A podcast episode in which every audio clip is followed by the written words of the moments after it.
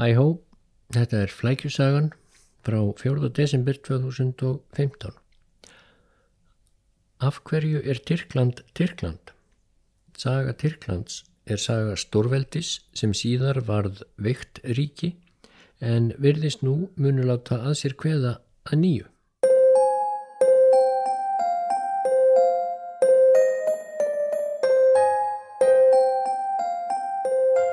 Tyrkland hefur oft verið í sviðsljósinu síðustu ár og þarf ekki að orðu lengja um ástæður þess. Það hefur svo sem lengi mátt búast við að Tyrkir fær að gera sig gildandi á alþjóðu vettvangi.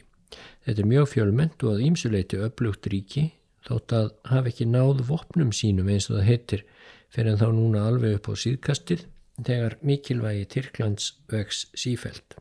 Í þessari grein verður engu spáðum það hvernig farar muni undir stjórn hins einræði sinnaða Erdogans. Heldur ætla ég að beina aðtiklinni að sögur ríkisins og byrja þá um það leiti sem svæðið sem nú heitir Tyrkland var enn kallað Anatólia og hafði öldum saman verið hluti af Bísansríkinu sem svo er nefnd en það var gamla austurrómverska ríkið sem skrimti öldum saman eftir að Rómaveldi í vestri var endanlegur sögunni árið 476. Bísansríkið, svo kallaða, hafði verið upplugt stórveldi. Þar var kristinn og eh, fyrst latnesk en síðan grísk menning ríkjandi en svo fór að leka úr því loftið með uppgangi Araba og Íslams á 8. og 9. öld. Höfuðborgin Konstantinópel, ellegar Mikligarður, var þó enn langmesta borg í heimi. Og þá víkur sögunni austur til Mið-Asíu. Á fyrsta árþúsundi eftir Krist spurð voru slétturnar í Mið-Asíu heilmikill suðupottur þjóða sem flestar töldust ímist íranskrar eða tyrkneskrar ættar eftir því af hvaða rót tungumál þeirra var. Með reglulegu millibili sóttu þessar írönsku eða tyrknesku þjóðir inn í miðusturlönd og eða Evrópu. Seljúkar voru einn grein tyrknesku þjóðana í miðasíu. Þeir byggu uppaflega millir Kaspíhafs og Aralvatns en fóru svo að fetta sig inn í Persíu eða Íran laust fyrir árið þúsund. Þá höfðu þeir nýlega tekið Íslamstrú eða um svipaleiti og Íslendingar tóku kristni. Seljúkar gerðu sig brátt mjög gildandi í Persíu og fóru svo að sækja henni í Mesopotamíu sem við kallum nú Írak. Árið 1056 náðu þeir Bagdad, höfðuborg hinn að arabísku kalífa sem þar höfðu setið síðan skömmu eftir dag Múhameðs. Seljúkar léttu kalífana í fríði eftir að hafa lagt undir sig ríki þeirra en þeir voru valdarlausar silkihúfur þaðan í frá og settir undir Tyrkneska soldána. Og um árið 1070 börðu seljúkar harkalegað dýrum Evrópu þegar soldánin Alp Arslan reðst með öflugan hér inn í Anatóliu og í frægum slag við Mansíkert árið 1071 rústaði hann hér Rómanosar keisara fjörða úr Miklagarði og tók hann til fanga. Meðal þeirra hersveita keisarans sem harðast börðust og voru að lyktum stráfeldar voru hinnar norrænu lífvarðasveitir bísanskeisara sem væringjar kölluðust. Alls ekki er óhúsandi að þar hafi borið beinin einhverjir íslenskir strákar af Suðurlandi eða utan af Nesjum sem hafi farið frá Íslandi til að leita sér fræðar og frama meðal væringja í heimsborginni Konstantínópel. En hvað sem því líður? Tyrkir voru í evrópskum heimildum gjarnan saður vera siðurlaus villidýr og blóðþyrstir grimdar menn. Allur gangur var þó á því. Þegar Alp Arslan let leiða fyrir sig hinn Sigraða keisara Rómanos spurðan hvað keisari myndi gera við hann ef hlutverkum væri skipt. Ég myndi láta drepa þig eða leiða þig í hlekkjum um götur Konstantinópel, svaraði Rómanos reynskilinnislega. Ég ætla þér miklu harðari refsingu, sagði Alpa Arslan. Ég ætla að fyrirgefa þér og sleppa þér lausum. Var það svo gert og Rómanos komst aftur til Konstantinópel en þar hafði honum að vísu verið stift af stóli og svo var hann drepinn fljótlega. en eftirmenn hans töpuðu á skamum díma mest allir í Anatóliu í hendur Seljúka sem líka lögð undir sig Sýrland og Palestínu og það var gegn Seljúkum sem kristnir Evrópumenn fóru fyrstu krossferðina að kvartningu Pávans í Róm árið 1096 og fremdu þar meiri og blóðugri hermdarverk en nokkur Tyrki hafið þá orðið sekur um. Nú verður flókin saga einfölduð ansi mikið en lendur Seljúka í Littlu Asíu urðu brátt sérstakt tyrknest ríki sem kallaðist Rum sem var einfallega afbökun af Róm þar sem þetta var eitt af svæðum hins forna rómverska heimsveldis. Stórríki Seljúka nignaði hins vegar smátt og smátt og það var úr sögunni löst fyrir 1200. Soldánin í Rum helt velli lengur en svo kom ný ógn úr austri ósigrandi hermenn, mongólar, voru þar á ferð. Árið 1243 á sama tíma og Þorður Kakali var að hasla sér völli í henni íslensku sturlungaöld þá gerst sigraði mongólski herfóringin Bajú sveitir Róms og Tyrkneska ríkið var þar með úr sögunni. Mongólar höfðu hins vegar hvorki mannskap nýja sinnu á að setja stað á þeim löndum sem þeir unnu á þessum slóðum og voru þeir fljótlega úr sögunni þar. Bísans ríkið hafði nú tækifæri til að vinna á ný sín fornu héruð í Littlu Asíu sem höfðu í bráðum tvær aldir verið undir stjórn Tyrkja en allar vonir um endurreysn Bísans höfðu orðið engu í upphafi 13. aldar þegar grimmir og gráðugir krossfarar lagðu höfðuborgina Konstantinópel undir sig og ráku bísansmenn í útlegð.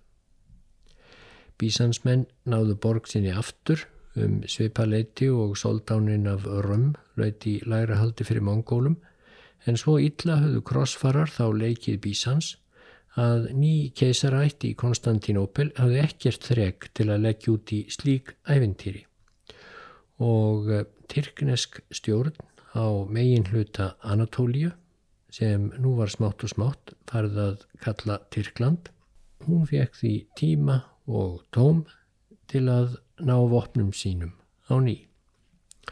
Áratugina til loka 13. aldar notuðu Tyrkir í Anatóliu til að nikla vöðvana aðalega hverfaraman í annan og rétt í aldarlokk kom í ljós að mestur þróttur virtist í litlum en knáum tyrkneskum ættbálki sem tók að kenna sig við höfðingja sinn sem Ósmann hétt. Fyrir á tíð var nafn hans oft skrifað Ottmann og því er ríki hans enn í dag kallað Ottomanna ríkið. Ósmann ríkti í upphafi bara yfir smá skika nokkuð söður af Marmarahafi, ekki allangt frá Konstantinópil, en þegar hann dó 1326 hafði hann klipið þó nokkrar lendur af Bísansríkinu og tyrknesku smáríkin inni í landinu fóru svo hvert af öðru að játa yfir áð hans og arftaka hans. Og nú fer að verða tímabært að leggja alveg af heitið Anatólia og notorðið Tyrkland í staðin. Þegar þarna var komið sögu hafði fjöldi tyrkneskra bænda flutt úr miðasíu vestur til hins nýja Tyrklands en tyrknesk ættað fólk var þó ábyggilega ennþá ekki nema minni hluti íbúana. Tyrkneska var hins vegar tekinu upp á svæðinu. Hún varð opimbert mál sem fólk varð smátt og smátt að læra og megin þorri íbúana varð tyrkneskur á fáinum kynnslóðum þó tyrknesk útlitsengjani hafi horfið að mestu og engin sérstakur útlitsmunur sé til dæmis á gríkjum og tyrkjum. En útlitt tyrkja fram að því hafði að líkindum verið tölvert meira í ætt við Mongóla. En nú er best að fara hrætti við sögu. Arftakar Ósmanns tóku sér soldánstygn og styrtu sífælt veldi sitt. Þeir komu sér upp mjög öflögum herr og þóttir reyndust ekki í bíli þess umkomnir að leggja undir sig Konstantinópel þá fóru þeir bara fram hjá borginni inn í Evrópu og fóru að brjóta undir sig Balkanskagan. Árið 1389 brutu þeir til dæmis serpa og bandamenn þeirra á bakkaftur í sérlega mannskæðri og blóðugri orustu þar sem hétt svartfugla engi eða Kosovo. Leði svo ekki á lengu þar til þeir höfðu allan Balkanskagan á valdi sínu, þar á meðal sjálft Greikland. Konstantinopel helt hins vegar velli til 1453 en keisarin þar réði þá engu nema því sem var innan borgarmúrana. Það var lóks ottomanasóldánin Mehmet Annar sem náði borginni eftir langt umsátur þar sem Tyrkir beittu svakalegustu fallbissum sem sést höfðu í veröldinni fram að því. Hlaupvít þeirra var 60 cm eða þarum bil en ekki þótti duga minna til að brjóta á bakaftur hinn að frægu múra Konstantinopel. Eftir að Tyrkjasóldánar náðu borginni nefndu þeir hana Istanbul og gerðu hann að höfuborg ríkisins og miðdepli stórveldis sem þandist æmeira út næstu tvær aldrinnar. Áfram var sótt inn að hjarta Evrópu og árið 1529 var Tyrkjasóldánin Súlimann hinn mikilfenglegi komin allarlega að borgarmúrum Vínarborgar. Hefði hann náð borginni hefðu Tyrkir verið í dauðafæri við ansi stóran hluta Evrópu. En Súlimann þraut örendið þegar mest áreindi og Vínarborg slapp. Einni og hálfri öld síðar eða 1683 þá komist Tyrkir aftur að múrum Vínar en urðu þá aftur frá að hverfa eftir stóran slag við saminnaðan herr margra Evrópuríkja. Í mittiltíðinni höfðu Tyrkir lagt undir sig viðáttu mikil flæmi í öðrum heimslutum þeir náðu Mesopotamíu og Bagdad, Arabíuskaga og Mekka og allir í strönd Norður Afríku. Í fyrsta dæmum þeirra í Marokko og Alsýr urðu sjórán einn arðvænlegasti atvinnuvegurinn og sjóræningar þaðan komið sem kunnugt er allaveg til Íslands árið 1627. Er það kallað Tyrkjaránið að því Tyrkir réðu að minnstakosti í orði kveðinu í Marokko og Alsýr en meðal sjóræningja voru þó eflaust engir raunverulegir Tyrkir. Fram á átjánduöld var Tyrkjaveldi ottomana óneitanlega mest veldi í miðaustulundum og jáfnvel í Evrópu en það ríkti mikil ótti við Tyrki meðal allra þjóða Evrópu. Þeir voru saðir grimmir og miskunarlausir svo þess veru engin dæmi og náttúrulega hund heiðinir. Vitaskuld áttu Tyrkir til skefjalösa grimd. En ekki verður samt séð að þeir hafi verið neitt verri en Evrópumenn upp á sitt versta. Til dæmis í hinnu viðbjóðslega 30 ára stríði í mið-Evrópu 1618 til 48. Hvað trúarbröðin snerti þá lögðu Tyrkir alls ekki mikið upp úr því að snúa undir okkuðum þjóðum Evrópu til Íslams. Aðeins Albanir og Bosníakar, svo nefndir, undirgengust Íslam og virðast hafa gert að meira og minna sjálfveljúir. Og Balkanþjóðirinnar tóku heldur ekki upp tyrkneska tungu eins og flestar þjóðir í Anatólíu höfðu gert á aðeins fáeinum kynnslóðum. Ég hef svo sem enga sérstakka skýringu á því. Aðeins svæðið í um 300 km í vestur frá Istanbul varð tyrknest að einhverju ráði. Sama var upp á teiningnum í miðausturlöndum og Norður Afríku hverki kröfðust Tyrkir þess að þegnar sínir tækju upp tyrkneska tungu eða menningu.